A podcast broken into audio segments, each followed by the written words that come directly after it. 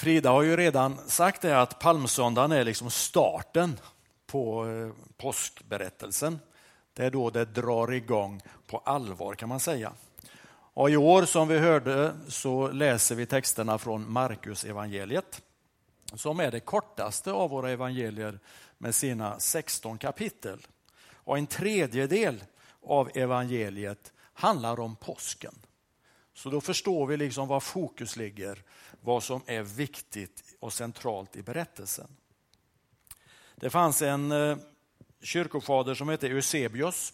Han skrev en kyrkohistoria och där berättar han att det är lärjungen Petrus berättelse som eh, Markus skriver ner. Och Markus evangeliet är också det, det äldsta av våra evangelier. Man kan ju fundera, de som fanns med i berättelsen. det är egentligen tre delar. Först är det två lärjungar som eh, hämtar den här åsnan eh, som Jesus sen rider på. Så berättas det om ridturen och kläder och löv och grejer som han sprer ut. Och till sist att eh, Jesus och de tolv lämnar stan och så ger de sig ut igen till byn Betania som låg lite utanför Jerusalem. Om man läser den här texten en gång till, på att säga, eller lite mer noga, så ser man att det är knappt att Jesus nämns i berättelsen. Eh, istället så berättar man ganska ingående om hur det går till när åsnan hämtas. Och det berättas noga att det var många som hyllade Jesus genom att bre ut mantlar på vägen, strö ut löv och annat som man eh, tog från träden. Eh, och när man kollar in då, då är det ju två lärjungar står det som hämtar åsnan. Det är de tolv som eh, följer med Jesus. Och sen finns det då ett helt gäng människor som det berättas om däremellan. De hyllar Jesus. De lägger om sina planer, tänker jag mig, för att kunna vara med. Eh, och så står det att de ropar Hosianna, välsignad är han som kommer i Herrens namn. Välsignad vår fader Davids rike som nu kommer. Hosianna i höjden. Och jag tänker att de två lärjungarna som nämns på det sättet, att de hör till Jesus, det kan ju vi ana. Och de tolv som eh, också nämns, att de hörde till Jesu närmaste vänner, det, det förstår man när man läser Bibeln. Men vilka andra var det som var där? Var kom de ifrån? Och varför var de där? Och nu har jag en bild på Emanuelskyrkan. Jag hoppas att ni ser den. Det gör ni, det är jag. Det är längst fram i fonden så finns det jättefina målningar. Det är, det är de tolv apostlarna målade av en konstnär. Lite stiliserade eller vad det kan heta. Inte direkt ansiktsdrag och så här. Men om man tittar efter så ser man att de är väldigt lika varandra. Och Då kan man fundera, är det så att alla som umgås med Jesus blir precis likadana? Är det så att alla som följer Jesus klär sig likadant, tänker likadant, tycker precis lika i alla frågor? Kan det vara så att Jesus kallar ganska olika människor för att sedan göra om dem efter samma mall? så att alla ser precis likadana ut.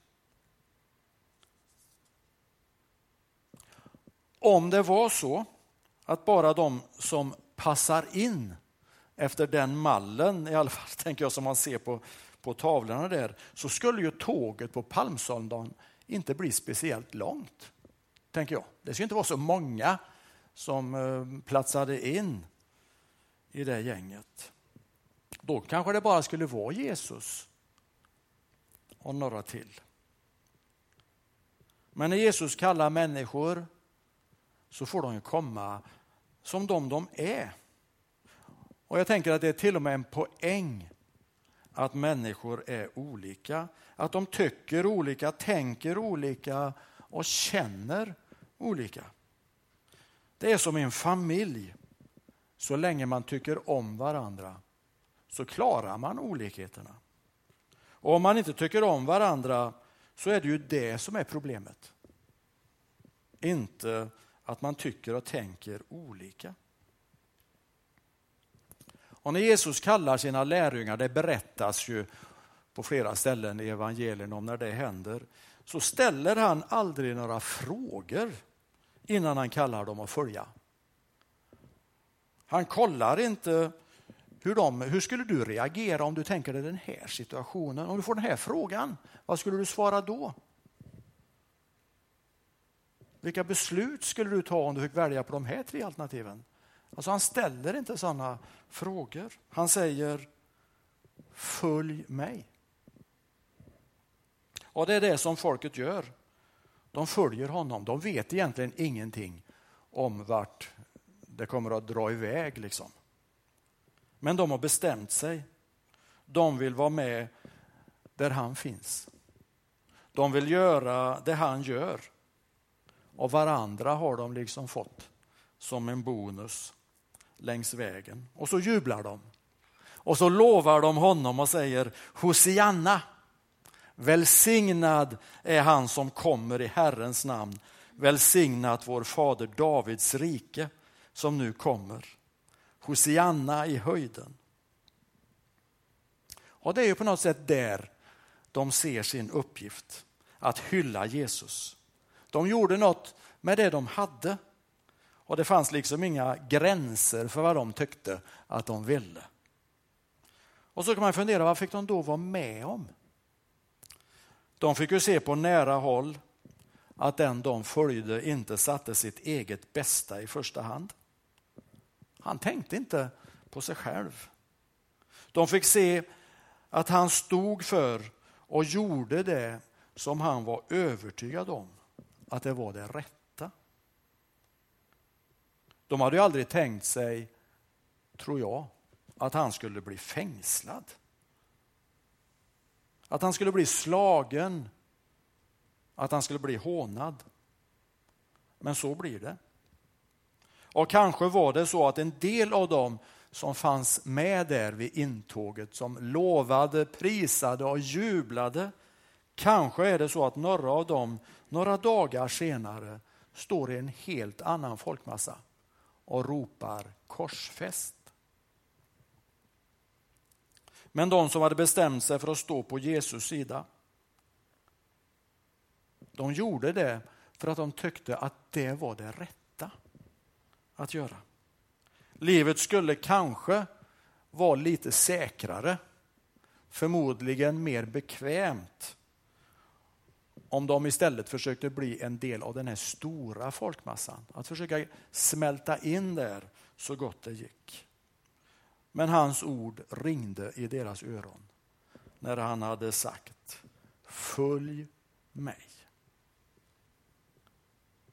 De var olika. En del av dem var väldigt olika, kan jag tänka. Men de hade en sak gemensamt. Det var deras vilja att följa Jesus.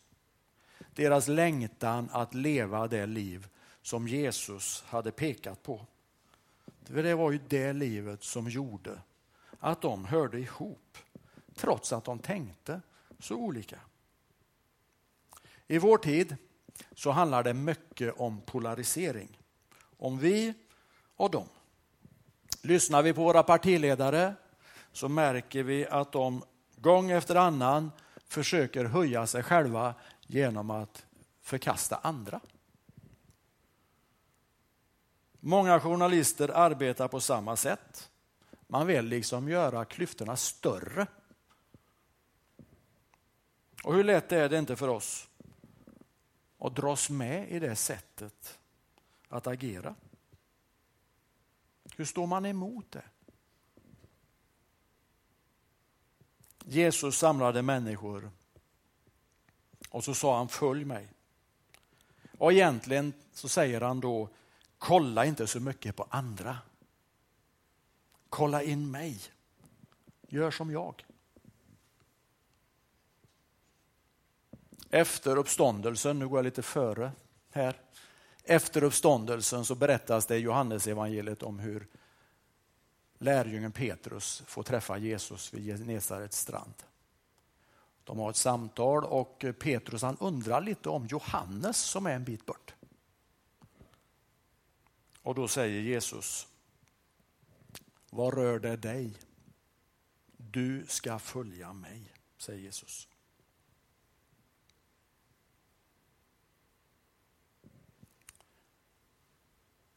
Du som lyssnar, du behöver inte se ut liksom på ett speciellt sätt för att följa Jesus. Du måste ha, inte ha en speciell bakgrund eller vissa erfarenheter för att kunna följa Jesus. Du får komma som den du är i befintligt skick som vi säger ibland. Men om du ska kunna följa honom så måste du intressera dig för honom. Du måste leva så nära att du kan se hans liv, hur han möter människor, hur han hanterar konflikter.